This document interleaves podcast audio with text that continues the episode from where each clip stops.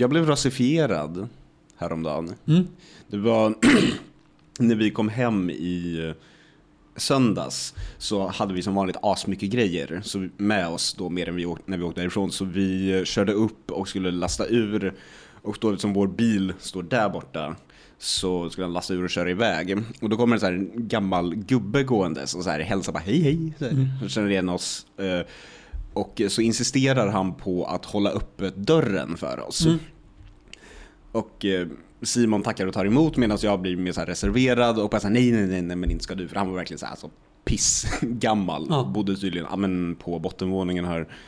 Och eh, sen så åker Simon iväg och ska lämna bilen och jag ska börja lasta in i hissen. Och det går ju också sådär för jag har så jävla mycket grejer. Varpå han då igen insisterar att hålla uppe hissdörren. Och bara så här, på mig, så här, säger inte så mycket och jag bara, ah, okej tack då, typ. Eh, och det slutar så, han tittar när jag lastar in ut och slutar bara bara, Ursäkta? Polen?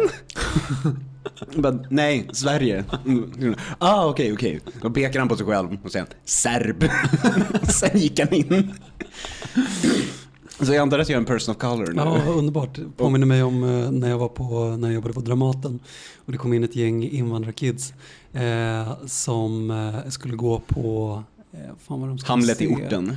Nej, det var, det var inte något ortigt, alltså, men det var typ Shakespeare, jag tror de hade någonting i skolan med det eller något sånt. Nej. Och så är det en kille som petar mig i magen och vrålar Vilken blatte är du?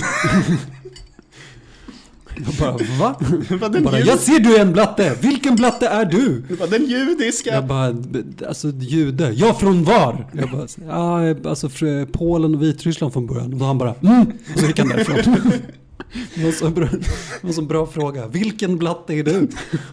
Så vi, vi är båda alltså, det här är alltså nu en rasifierad podcast alltså. Uh, underbart. Två, två polacker och en frånvarande svensk pappa. Ja, just det. Just det. Just det. Mm. Eh, vilken, uh, vilket underbart eh, liksom pärlband av minoriteter vi är. 50 shades of white.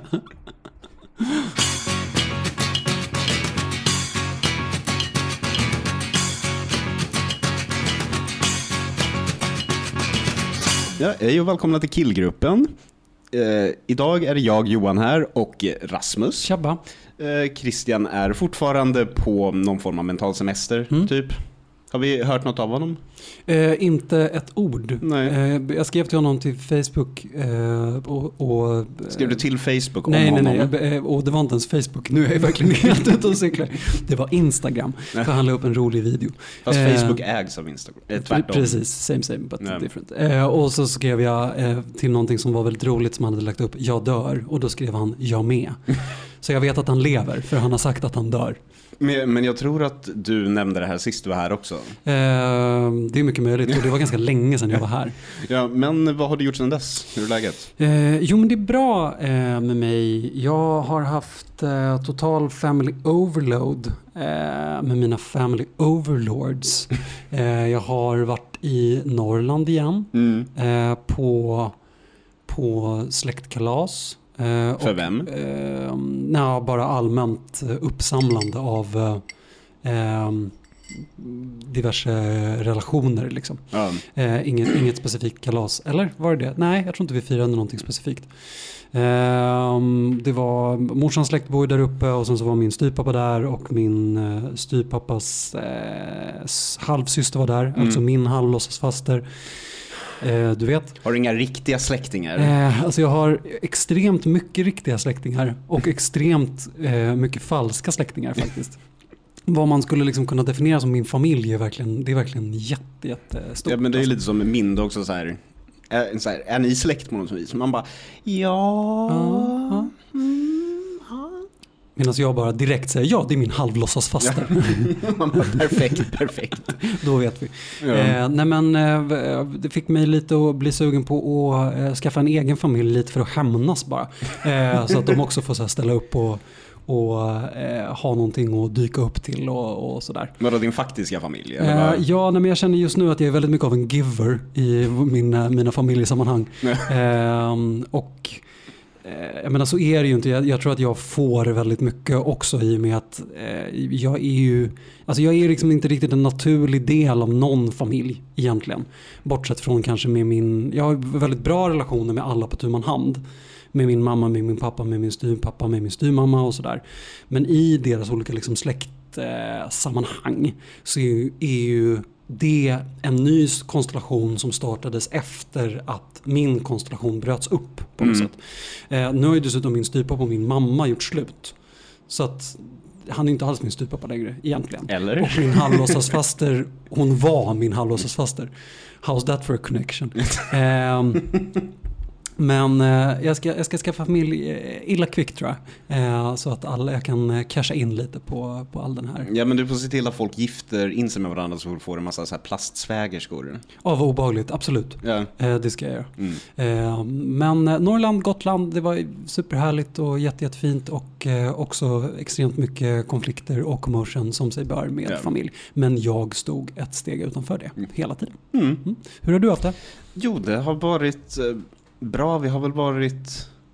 Vi var på camping först i Degerfors tror jag. Det var väl... Ja, det var efter att vi hade spelat in sist tror jag. Mm. Då var vi där några dagar. Sen nu den gångna helgen så eh, tog vi ju faktiskt och åkte till eh, mina föräldrar. Och eh, var där. Eh, och eh, det var ju trevligt, men också så här konstigt eftersom jag håller mig därifrån på grund av att de ska vara liksom ja men de är lite riskgruppiga mm. liksom. Men eh, det var jättebra, så vi lyckades hålla distansen och eh, jag fick äntligen så här mysa med mina jävla hundar. Mm. Och bara så här, varje morgon bara upp med dem och går ut och går med dem. Och jag har sån jävla hundabstinens mm. nu. Det ger verkligen en sån mening att ha och gå upp för någon annan. Det är lite samma grej som med ungar, mm. tänker jag. Att man blir uppdragen av, i det här fallet då, någon som river en. Mm. Det kanske inte barn gör, hoppas jag. Eh, det tror jag att de gör. Ja.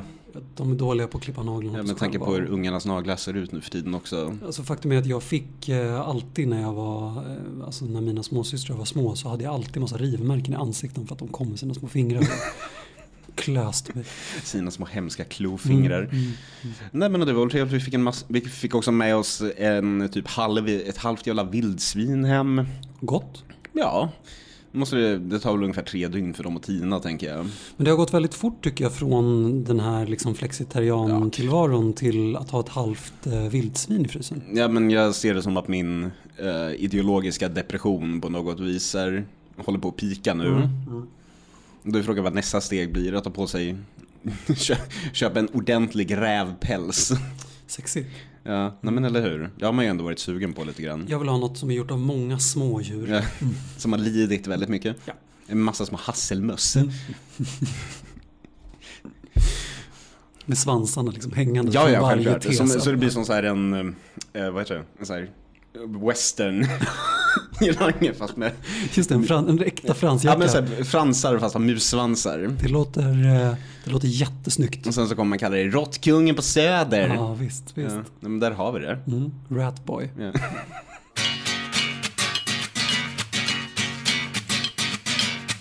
Som sagt, eh, släktsemester, familjekonstellationer.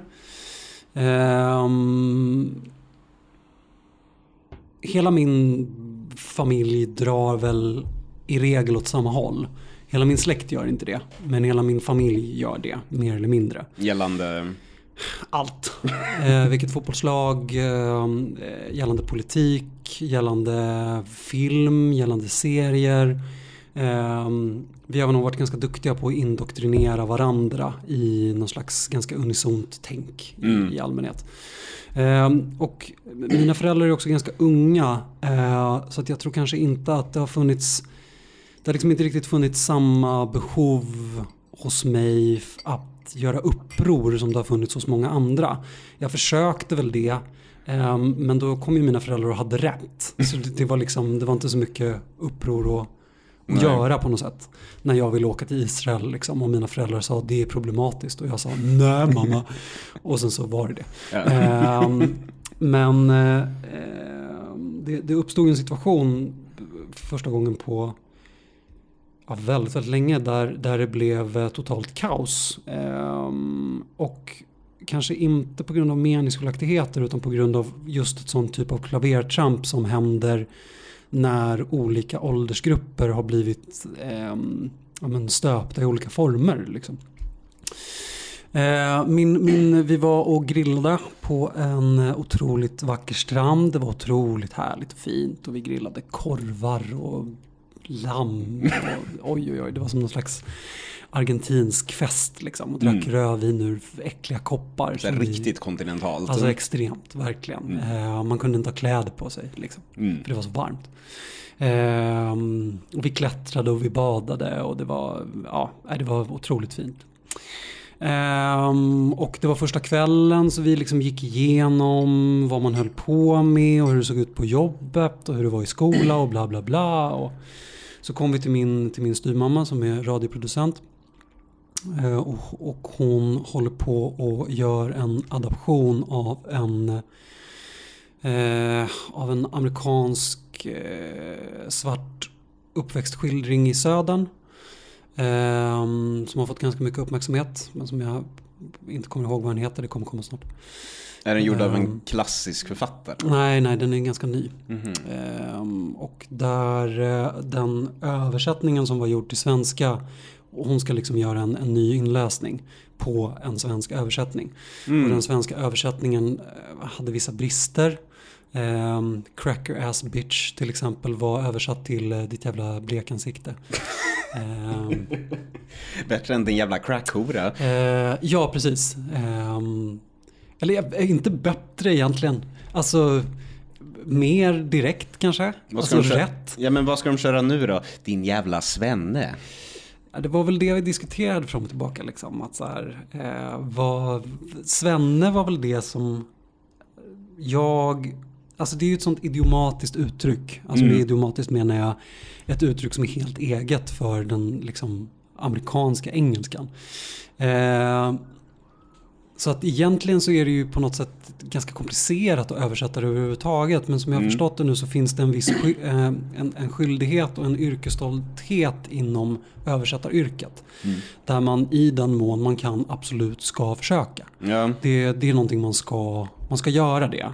Cracker ass bitch ska inte översättas till cracker ass bitch. Utan till cracker ass bitch motsvarighet på svenska. Som inte finns. Så Din blir- vita hora. din vita hora, eh, ditt blekansikte Mm. och eh, din crackhora. Eller, Men blekansikte, var det en så här en 70-årig gubbe som gjorde den översättningen? Ingen aning, vågar inte, vågar inte uttrycka mig om det. Eh, jag menar, på något sätt så, det sättet som man har letat så är det ju efter ett idiomatiskt uttryck på svenska. Och blekansikte är väl det, eh, I guess. Jag vill egentligen instinktivt säga viting. Det känns fel, för svenne är det ju egentligen. Eh, ja men precis, om man hade försatt handlingen till, eh, till Sverige. Kanske. Istället för Atlanta, Georgia så blev det Fittja. Ja, då kanske Sven är, men jag menar Sven är inte alls lika laddat liksom. Det beror vem du frågar. Ja, och din svenska hora. det är så Jag menar- jävla hårt. Den har man ju hört några gånger dock. Ja. Ehm, men eh, diskussionen tog ju inte slut där såklart. För att jag menar, givetvis finns det också motsvarande uttryck för svarta personer Oh no. i den här boken. Mm. Ehm, Ja, där är vi ju lite rikare på svenska så att säga. Alltså onekligen, verkligen, verkligen. Men vi är ju inte rika på direktöversatta uttryck som uttrycker den eh, afroamerikanska upplevelsen. Det går ju inte. Nej. Och då är frågan, jag menar där hamnar man ju ett vägskäl, vilket ord ska man använda liksom? Jag menar, man, man skulle kunna kompromissa till att så här, men det här det, är, det kanske inte ska översättas överhuvudtaget. Det kanske är det här ordet, eller så är det inte. Mm. Liksom. Är det hårt ER vi pratar om? Eh, ja, Eller är det ett A bara? eh, nej det är ett hårt, hårt ER. Mm. Ehm, Den värsta sorten. Det, det beror i och för sig på vem det är som är adressanten på uttrycket så att säga. Ehm, men det som, det som händer då i alla fall det är att vi hamnar i en dialog om det här. Vi använder transkriberingen n-ordet väldigt länge Tills det liksom inte går längre för att vi kommer så långt i en diskussion. Eh, och jag vill bara tillägga att vi är ensamma på en strand här. Mm. Ehm, Dessutom på den vitaste ön i norra, norra Europa. Alltså det är så mycket kalksten runt oss. Ehm, och min styrmamma ehm, väljer att säga då två av de uttrycken som hon står emellan. Ehm, Mm. Och jag, jag tror inte att det är hon som... Jag tror, jag tror inte, alltså hon läser ju ur boken mer eller mindre, fast från memory. mm. Från ja, hon diskuterar en aspekt av sitt jobb. Hon diskuterar en aspekt av sitt jobb. Och min lilla syster goes bananas. eh, henne, de, de, vi är, är det jag, min flickvän, min pappa, min styrmamma, min lilla syster Mm. och hennes två kompisar. Mhm. Och det min lilla syster- utifrån ja. konstellationen med. Min alltså. lilla syster känner sig fruktansvärt bortgjord eh, inför sina kompisar över att ha hört sin mamma eh, ja, säga de här orden då. Mm. Ehm, Var hon tvungen att cancel sin mamma? ja, Mm. Eh, i någon slags utsträckning var det det som hände. Ehm, och, och i någon slags liksom affekterad chock. Ehm, jag menar, det, det händer nog inte särskilt ofta att ja, det, har, det har hänt mig väldigt, väldigt sällan. Att jag känner mig, alltså rent intellektuellt som att jag har någon form av hållhake på min styrmamma.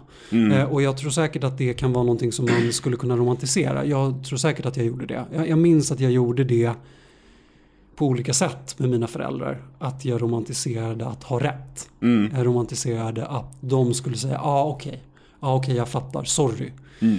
När jag hade argumenterat mig till min rätt. För att i olika sammanhang då så eh, gick inte det. Eh, och i min styrpappas fall till exempel så var det på grund av att han är en envis jävel som aldrig hade erkänt sig besegrad. Förrän efteråt, då gjorde han det alltid, men inte i stunden för att han är för affekterad. Och med min styrmamma gjorde det för att hon hade väldigt sällan fel. Mm. Hon hade helt enkelt jävligt bra koll. Ja. Eh, framförallt i sådana här frågor. Liksom. Och i och med att hon är så pass ung, hon är ju ändå, alltså min pappa var ganska ung när han fick mig, han var ju 20-årsåldern och min styrmamma är ju åtta år yngre än vad han är. Eh, så att hon är ganska nära mig och ja, men, vi, vi, delar väl mer eller mindre samma Alltså samma indoktrinering. Eh, Mm. men i min lilla systers fall så finns det ju en ny form av indoktrineringen. Och det är indoktrineringen att det här ordet är Voldemort. Mm. Eh, att det får, liksom inte, det får inte yttras av en, av, en, av en vit person i något som helst sammanhang överhuvudtaget. Mm. Liksom. Inte som i det här läget där det citeras och inte överhuvudtaget. Liksom. Och jag hamnar i en situation där och då där jag tycker att det visst går. Mm. Alltså för jag tycker inte att, att hon är adressant överhuvudtaget. Utan om, om, om, alltså dels så är ju den svarta personen som har skrivit den här boken är ju adressant. Ja. Ehm, och den vita personen som har gjort översättningen är ju eventuellt då adressant i någon slags upphöjt till två då. Mm. Eh, för den här svenska översättningen och att Emma då citerar någon av de här två personerna. ehm, det... Jag, jag, vet- inte, jag, jag kan som inte riktigt... eh, Se problemet. Jo, ja, men jag kan ju se problemet men jag kan inte riktigt kapitulera inför att det inte får hända. Liksom. Mm. Och jag menar, jag, jag, jag kan kapitulera inför min lillasysters känslor att det här är, alltså, eh, det här är ingenting som jag vill presentera inför mina kompisar. Mm. Alltså att det safe spacet som Emma trodde att hon sa det här i in, inte existerade på grund av att det fanns eh, ja, men yttre omständigheter. Ja. Men då är det ju, liksom. ja men precis, men då är det ju den affekten som jag, som jag kapitulerar för. Alltså eh, inte att det på något sätt skulle finnas en intellektuell bas för att det här inte skulle kunna gå att säga. Mm. Ehm, för att någonstans så i mitt huvud så tänker jag att det blir som antiintellektuellt att försöka radera det här ordet överhuvudtaget. Mm. Framförallt när adressanten är, är svart som beskriver ord som han har blivit kallad av alltså vita personer som vill förolämpa honom. Mm. Eh, men, men ja, jag vet inte. Nej men det funkar, det blir ju en form av historierevisionism egentligen. Eller det är ju precis vad det är, för nu har vi ju diskursen på vänsterkanten är ju i princip där det som du sa, det har blivit Voldemort väldigt mycket. Ja. Och eh, det gör att inte ens de som det gäller, man kan inte diskutera saker utan att ta i akt väldigt mycket Nej. hela tiden. Och då kan man inte riktigt diskutera saker överhuvudtaget. Nej men, nej men precis, och, och, och så, det är ju ganska lätt att det blir så. Sen så bollade jag det lite bara för att liksom kolla, kolla läget så bollade jag det lite med min, med min andra falang av familjen. Eh, och framförallt då med min lilla syster som är lika gammal som min andra lilla syster då. Mm. Eh, och hon, men hon, var, hon tog ju verkligen min... min- Mina två småsystrar håller ju verkligen med varandra. Mm. Att, och det, att de, deras argument är att det verkligen inte är upp till oss. Att vi kan, inte, vi kan inte avgöra huruvida det får sägas eller inte och därför ska vi inte säga det. Men Att bli sekundärkränkt liksom. Ja, ehm, och, och jag, jag, jag vet inte. Alltså när man, när man rotar i olika infallsvinklar på det här. Så är det ju liksom att man, man hamnar ju i ett läge där man blir som James Baldwin eh, beskriver allt form av liksom alltså postkolonialt Mm. tänk med, alltså oavsett om man tar en, eh, en fransk person som är uppväxt i Algeriet eller en sheriff i, i, vad heter det, i Selma så är de så indoktrinerade i systemet att det för dem alltså det blir ett övergrepp och ifrågasättare överhuvudtaget. Eh, De kan inte förstå hur en person som är uppväxt i samma system som dem kan börja ifrågasätta det som är, som är dem. Mm. Eh, och jag hamnar i det läget också där jag, där jag börjar liksom, där, ja, men där jag undrar om jag argumenterar för att det här är någonting som liksom tas ifrån mig. Man vill ju inte vara på den sidan av historien som argumenterar för att man ska få säga n-ordet. Liksom. Det, det, det vill man ju inte vara. Men det är inte som så att du sitter och argumenterar för att man ska kunna säga det hej vilt, utan nu pratar ni om att läsa in en ljudbok, typ. Jo men precis. Och jag menar den personen som skulle kunna läsa in den här ljudboken. Jag menar den personen skulle ju rent politiskt inte heller kunna vara vit. Och det är jag helt med på. Det, det Mm. funkar ju inte. Och tar man det längre så kan den inte heller bara vara svart. Utan det ska nog vara en, en, en, en svensk person med någon form av afroamerikansk anknytning. Mm. Alla tre. Ja, eh, och jag menar det är ju fullt görbart även om vi nu börjar vi ju komma in i en, i en, liksom, i en ganska trång korridor här. Mm. Eh, Men, men det är inte omöjligt liksom. Och, och jag menar vi kan ta det ännu längre till att det kanske inte är Emmas sak att avgöra, alltså min styvmamma. Mm. Att avgöra det här, men att hon inte ska kunna prata om det. Mm. Det är väl där någonstans som jag känner att jag bara går in i väggen. Eh, och att jag tycker att det blir så himla komplicerat. Ehm, samtidigt som jag har all förståelse just för det affekterade argumentet att Mira, min lilla syster, inte vill höra det. Liksom. Mm. Och inte vill eh, exponera sina vänner till det. Liksom, för att den generationen är så indoktrinerade vid att det här ordet faktiskt är Voldemort. Mm. Och det är väl också det stora problemet, både du och jag har ju på universitetsnivå eh, läst vår beskärda del postkolonial teori och poststrukturalistisk teori. Eh, och jag har ju liksom forskat och använt mig av det för att skapa forskningsmässiga ramverk. Och det är ju den sortens språk som främst då när man pratar om eh, hur etnicitet tolkas i film och tv. Den sortens språk och eh, analyserande har ju tyvärr blivit tillgängligt för gemene man som egentligen inte behöver tänka igenom det teoretiskt utan de ser bara allting som någonting de kan faktiskt sätta in action. När det det i själva verket handlar om är att det är akademiska grenar vars språk de använder och försöker applicera på allt. Majoriteten av det som sägs gällande, vad ska vi säga, etnicitet och tolkningsföreträde och så vidare i den normala vanliga debatten i samhället nu är egentligen saker som uppkom inom filmteorin från 70 till tidigt 90-tal och handlade om hur man konstruerar främst svarta eh, kroppar på film och tv. Och då när man försöker applicera den formen av läsningar på exakt allting, det funkar liksom inte. För då, man kan inte ha man kan inte ha en normal tanke då för att allting hela tiden ska analyseras. Och sen så kan man ju visserligen argumentera för att det är bra att man analyserar allt hela tiden, men det är inte det. För att det är utmattande. Det finns en anledning till att folk håller på med det här på universitet och inte på högstadier. För att det är utmattande och kräver en viss form av tänkande. Man kan inte bara helt okritiskt applicera Frans Fanon på, eh, vad ska vi säga, ortens bästa poet eller whatever. Det funkar liksom inte. Och jag, börjar, jag blir mer och mer frustrerad över att det är väldigt få som faktiskt tänker på att de använder ett akademiskt språk och en akademisk gren för att beskriva saker som kanske är lite mer mänskliga än så. För akademiker är inte speciellt mänskligt. Verkligen inte. Och det är ju alltså, det är inte det vi betalar dem för heller på något sätt. Nej. Eh, och jag, jag håller ju med dig om att alltså, i min tanke har det ju alltid varit en fråga om representation. Mm.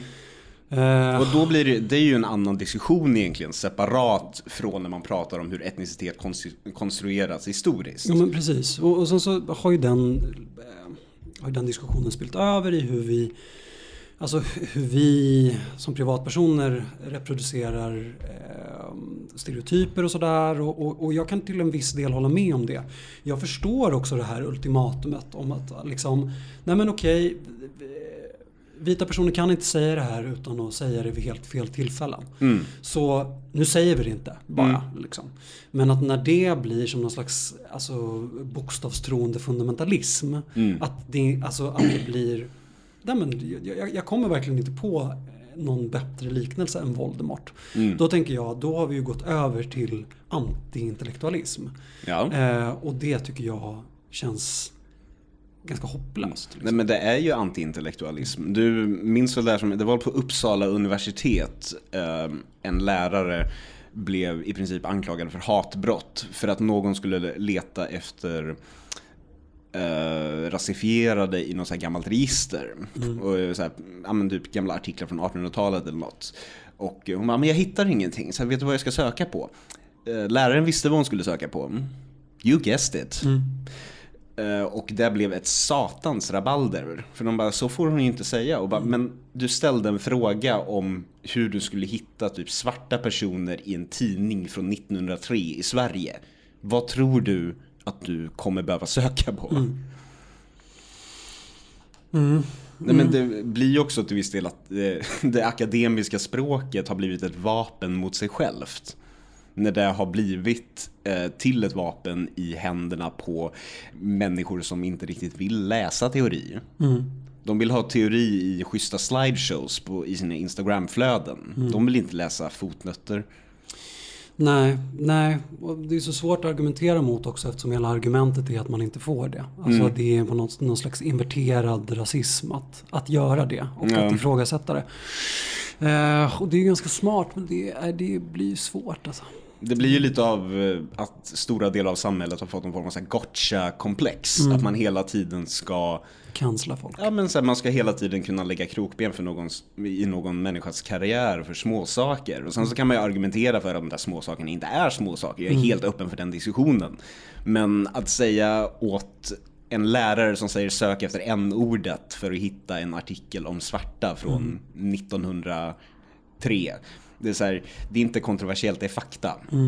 Det, Men vad tyckte de att hon skulle, de tyckte att hon skulle ha censurerat sig själv då och beskrivit ordet men inte sagt det. Jag hade gjort det för jag är ängslig och har inte hennes generations självförtroende, tror jag. Nej, men det hade jag också gjort. Det är ju någon slags read the room ideologi som jag har blivit indoktrinerad i. Mm. Att så här, det finns inga ord som man inte får säga. Mm. Men det finns väldigt många ord som man inte ska säga om man inte vet hur det kommer tas emot. Ja. Eh, alltså bög är ju ett sånt ord Mm. för mig. Som jag inte skulle blur out i ett läge med en person som jag inte känner. Mm. Men som jag vet är helt okej för dig. Ja. Eh, Ja, jag argumenterar ju för att användandet, det väldigt casual användandet av det ordet i stora samhället i sig till viss del kan beskrivas som någon form av så här, inte våldshandling, men för det används jävligt casual och av folk, man kan läsa sig till ton liksom. Så det är ju, ja men, och sen så kommer folk och använder det som ett ord som har blivit helt reclaimat. Men så här, det har det inte alls det. Det är fortfarande skällsord. Bara för att du säger det och för att din pojkvän kallar folk det i Call of Duty. så det blir inte mindre avdramatiserat bara för det. Nej. Eh, det var det som hände i alla fall. Eh, sen, eh, sen åkte vi hem och eh, poppade popcorn. Eh, Pratade inte mer om konstruktionen av etnicitet inom litteraturen. Nej, vi gjorde nog inte det. Jag tror vi försökte i andra sammanhang ta upp liknande grejer och sådär. Och jag tog ju upp det i ett senare familjesammanhang. Just Du bara att jag- två, två flaskor vin senare skrek du Tintin! Nej, det där är inte vinfamiljen, det är min andra familj. Ah, men- Ehm, ehm, men eh, ehm, men det, var, det, var en, det var en rivstart på den familjesemestern. Styvmamma cancelled. Mm. Precis. Det var en riktig plot twist. Det var den personen jag inte trodde skulle bli Ja. cancelled. Spännande. Hon fyller år idag, grattis. Ja, grattis Emma. Mm.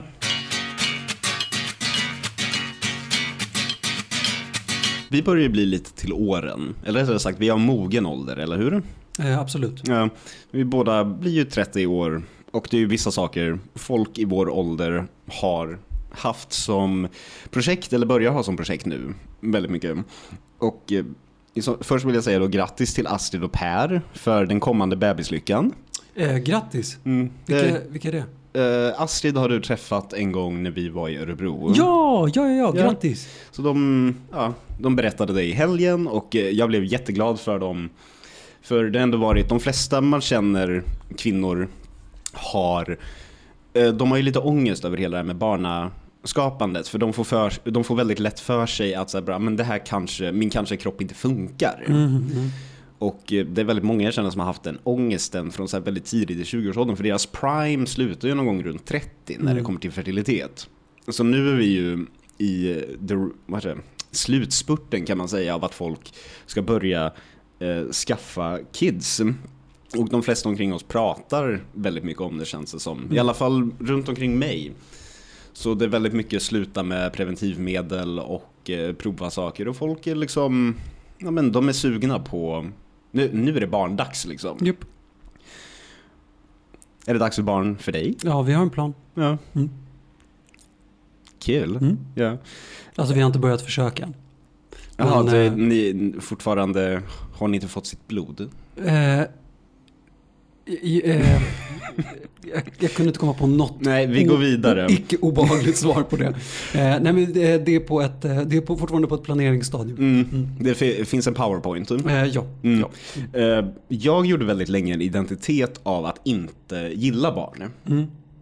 Och till viss del fortfarande, jag är inte helt såld på dem som koncept. Nej. Men det är också så här, folk omkring mig börjar skaffa barn och har gjort dem kanske mm, de senaste fem åren. Så det är så här, get used to it. Mm. För nu är vi vuxna och då skaffar folk barn.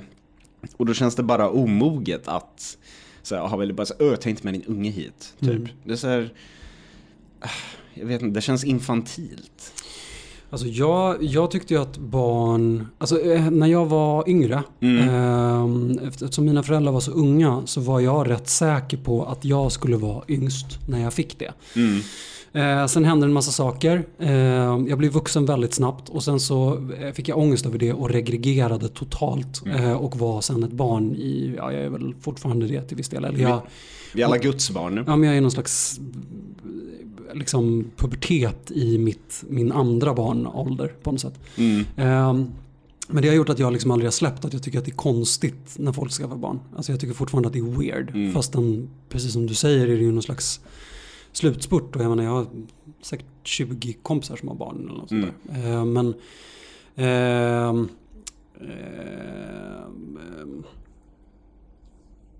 Oj, vad jag tappade tråden. Nej, men så här, folk omkring mig har diskuterat att ta folsyra väldigt länge. Ja. Liksom. Det, nej, men det har blivit en del av det för att liksom, vi är i den åldern. Jo men det jag tänkte säga, förlåt, Ja, mm. det, det var att... eh, nej men gud vad sjukt, det försvann igen. Men gud. Håller jag på att få Alzheimers? Ja, Ja, live i podden. shit. Döden är närvarande. Ja. Ja. Nej, men min, en kusin till mig, som hon är visserligen i 60-årsåldern, men vi är fortfarande kusiner. Hon säger att hon gillar inga barn förutom sina egna och sina barnbarn. Mm. Och det känns som ett så fungerande resonemang. Att hon, så kan, hon kan tolerera dem. Men det är så här, hon känner inga riktiga, hon är inte baby crazy, har aldrig varit det. Nej. Jag tror inte min mamma har varit det heller. På det sättet. Det känns inte som att baby crazyhet går i arv i Nej. vår familj på något sätt. För vissa man har ju träffat, de blir ju så här, man, de, det rinner ju till på dem så fort Mm. de ser en bebis. Mm. Det är en väldigt konstig grej tycker jag.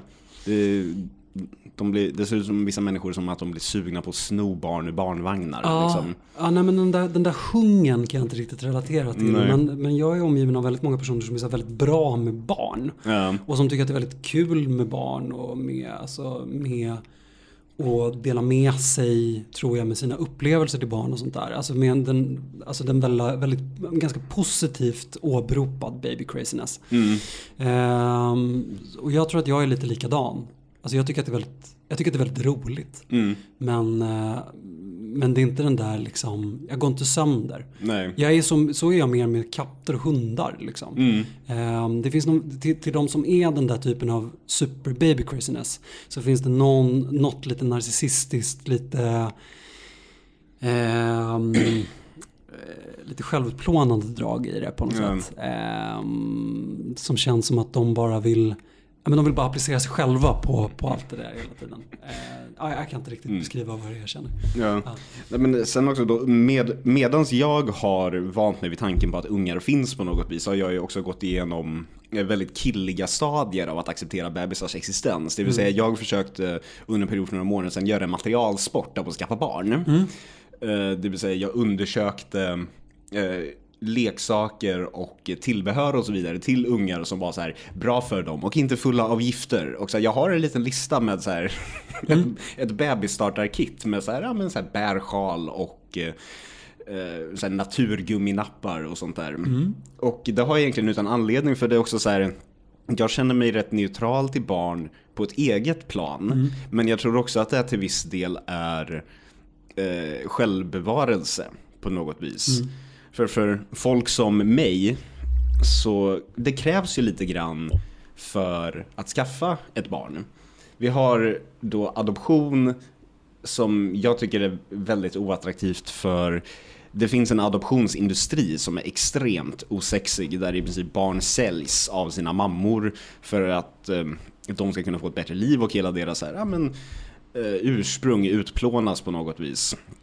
Eh, sen då att de flesta länder inte vill ge barn till hemska hemska homos Nej. som oss. Det jag tror att det är typ ett eller två länder Mm. i, internationella adoptionsregistret som gör det. Alla andra ser det och säger blä. Och eh, få ett gammalt barn via inhemsk adoption eller familjehemsplaceringar. Jag vill inte ha hand om ett till vrak, jag har mig själv att ta hand om. Ja. Simon har mig att ta hand om. Det blir ingen jävla barn till en al- alkoholiserad, bipolär 25-åring liksom. Right. Och man kan ju inte heller ta dem, man kan ju inte ta ungar direkt ur livmodern från någon som inte, jag vet inte, kan man det? Hur funkar adoption egentligen? Jag vet inte. Men för jag får för mig att man inte kan få ett färskt barn så att säga. Det är ett som är precis uttaget ur ugnen utan det har hunnit få lite barndomstrauma redan. Det tror jag säkert. Ja. Eh, Och då har vi då alternativ nummer två, eh, vilket är surrogat. Och eh, jag hatar ju kvinnor, men jag känner fortfarande inte att jag vill använda dem som någon form av så matrix-pods för att låta min unge växa i. Så mycket hatar du inte kvinnor. Nej, det, det finns även gränser i mitt kvinnohat. Eh, och då inom det så finns också alternativet så här, hitta ett lesbiskt par och skaffa barn med. Och så här, sure, jag köper det, men också jag behövs fyra föräldrar, det räcker väl, två föräldrar är väl komplicerat nog. Eh, Och då två bögar och två flator, det är bara upplagt för katastrof. Ja, ja. Ja, alltså, Jag säger inte att homoadoption inte får hända, men nej, alltså bara rent liksom empiriskt så tycker jag att de kidsen brukar ju turn out fine. ja. men när, när, när pappa, pappa och mamma, mamma skiljer sig allihopa, vad händer då egentligen? När man har 18 regnbågshem? Eh, ja, då... Um, mm. Mm. Nej, men så här, jag vet inte, det är inte för mig helt enkelt tror jag. Nej. Och det är orealistiskt för mig att leta upp random flatpar och bara hej, vill du, vill du ha mina trasiga spermier? För du har ingen kran så att säga. Nej, Nej. eller det har jag ju, men... Ja. Mwah. Men då blir det ju också att man blir lämnad lite att man inte kan få bi- biologiska barn själv, man blir lämnad lite i kölvattnet då, väldigt många vänskapsrelationer. Mm. Jag, jag vet inte riktigt hur man ska förlika sig med faktumet då, om man inte 100% vänjer sig vid att andra har, skaffar en massa barn. Hur klarar man då själv den faktiska, ofri, eventuellt ofrivilliga barnlösheten som kommer då om man inte vill så att säga an, använda kvinnor som kokonger?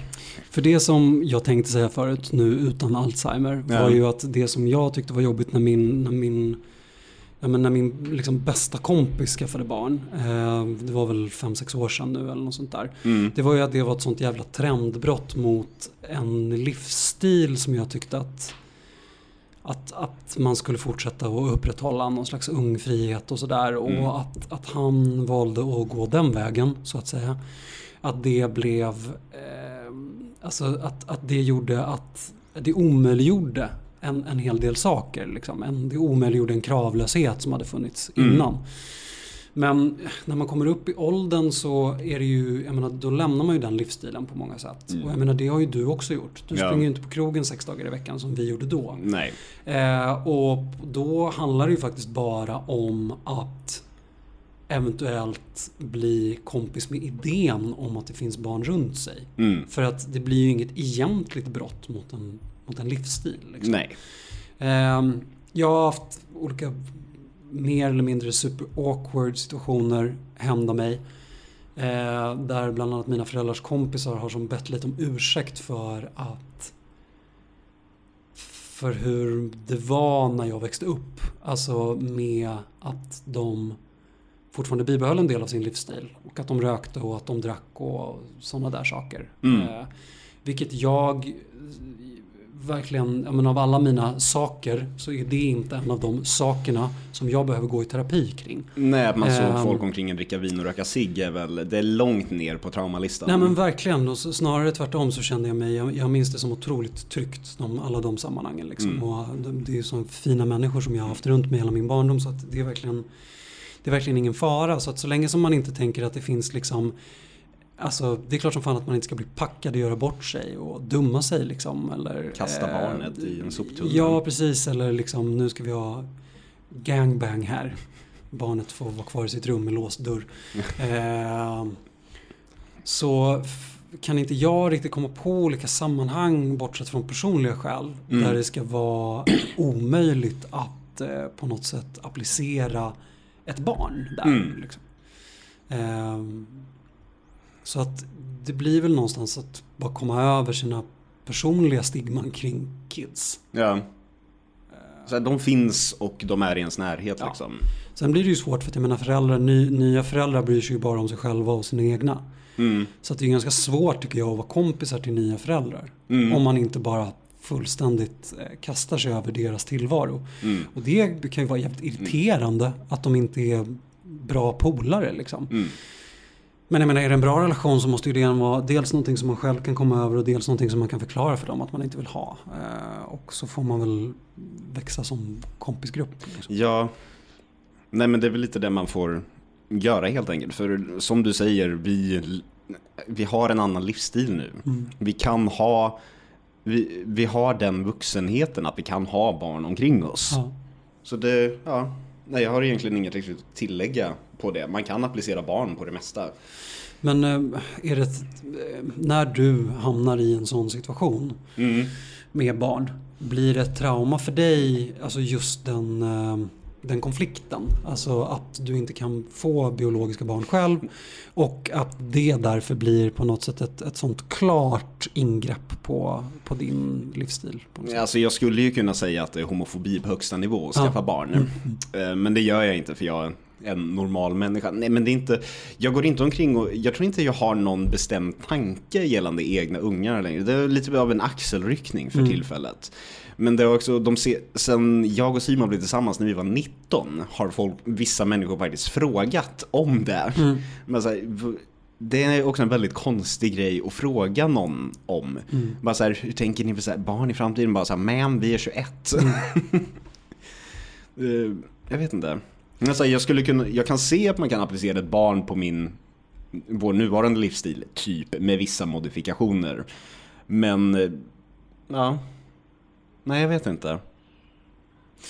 Nej, jag tänker att ni skulle bli jättebra föräldrar. För Ja, ni är två väldigt, väldigt härliga personer. Mm. Liksom. Men det också, sen, jag vet inte, han är inte så sugen på ungar och det är också så här, jag bryr mig inte jättemycket. Nej. Alltså det, Vi, vi kommer väl helt enkelt bli, vi kommer ju inte bli sådana här jättejobbiga 40-åriga homos med Peter Pan-komplex som jag vet inte vad är det de gör, de cruisar väl fortfarande tror jag. Mm, ja, det gör Ja, och det verkar, det är inte riktigt för oss så vi kommer väl skaffa ungefär 18 hundar eller någonting.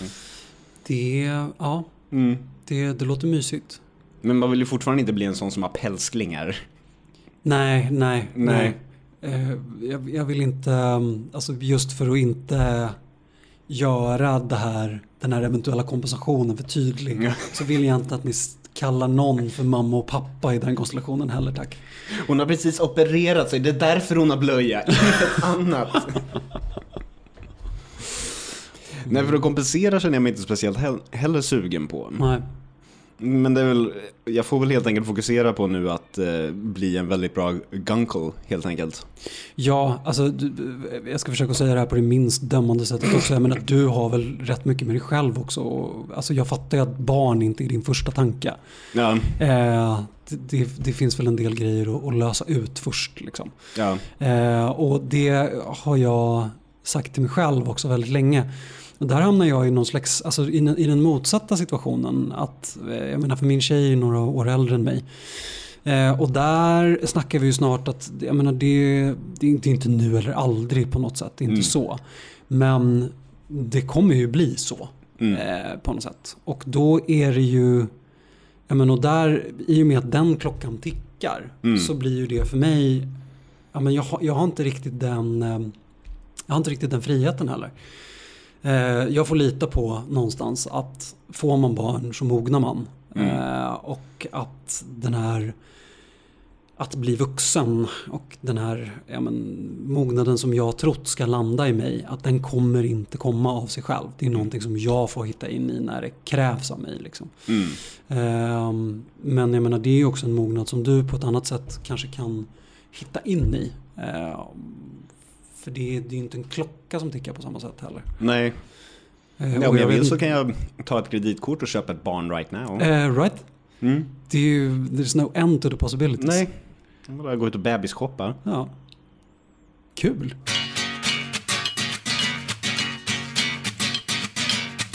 Ja, det var allt för idag då. Det var allt för idag. Mm. Eh, vad säger du Jordan? Var jag eh, redo för business och stod till ditt förfogande? Du var redo för business och stod till mitt förfogande. Mm. Härligt. Apropå vad då? Eh, nej, det är vad, vad heter det, ministrarna eh, skrev eh, till eh, Amazon. det, det är någonstans det absolut mest, eh, alltså, det, är det kåtaste jag någonsin hört. Det låter extremt kåt. Extremt kåt. Ja. Mm. Eh, Gå in och ge oss en rating vart du än lyssnar och eh, följ oss på Instagram, at eh, killgruppenpodd. Tja tja! Tjabba!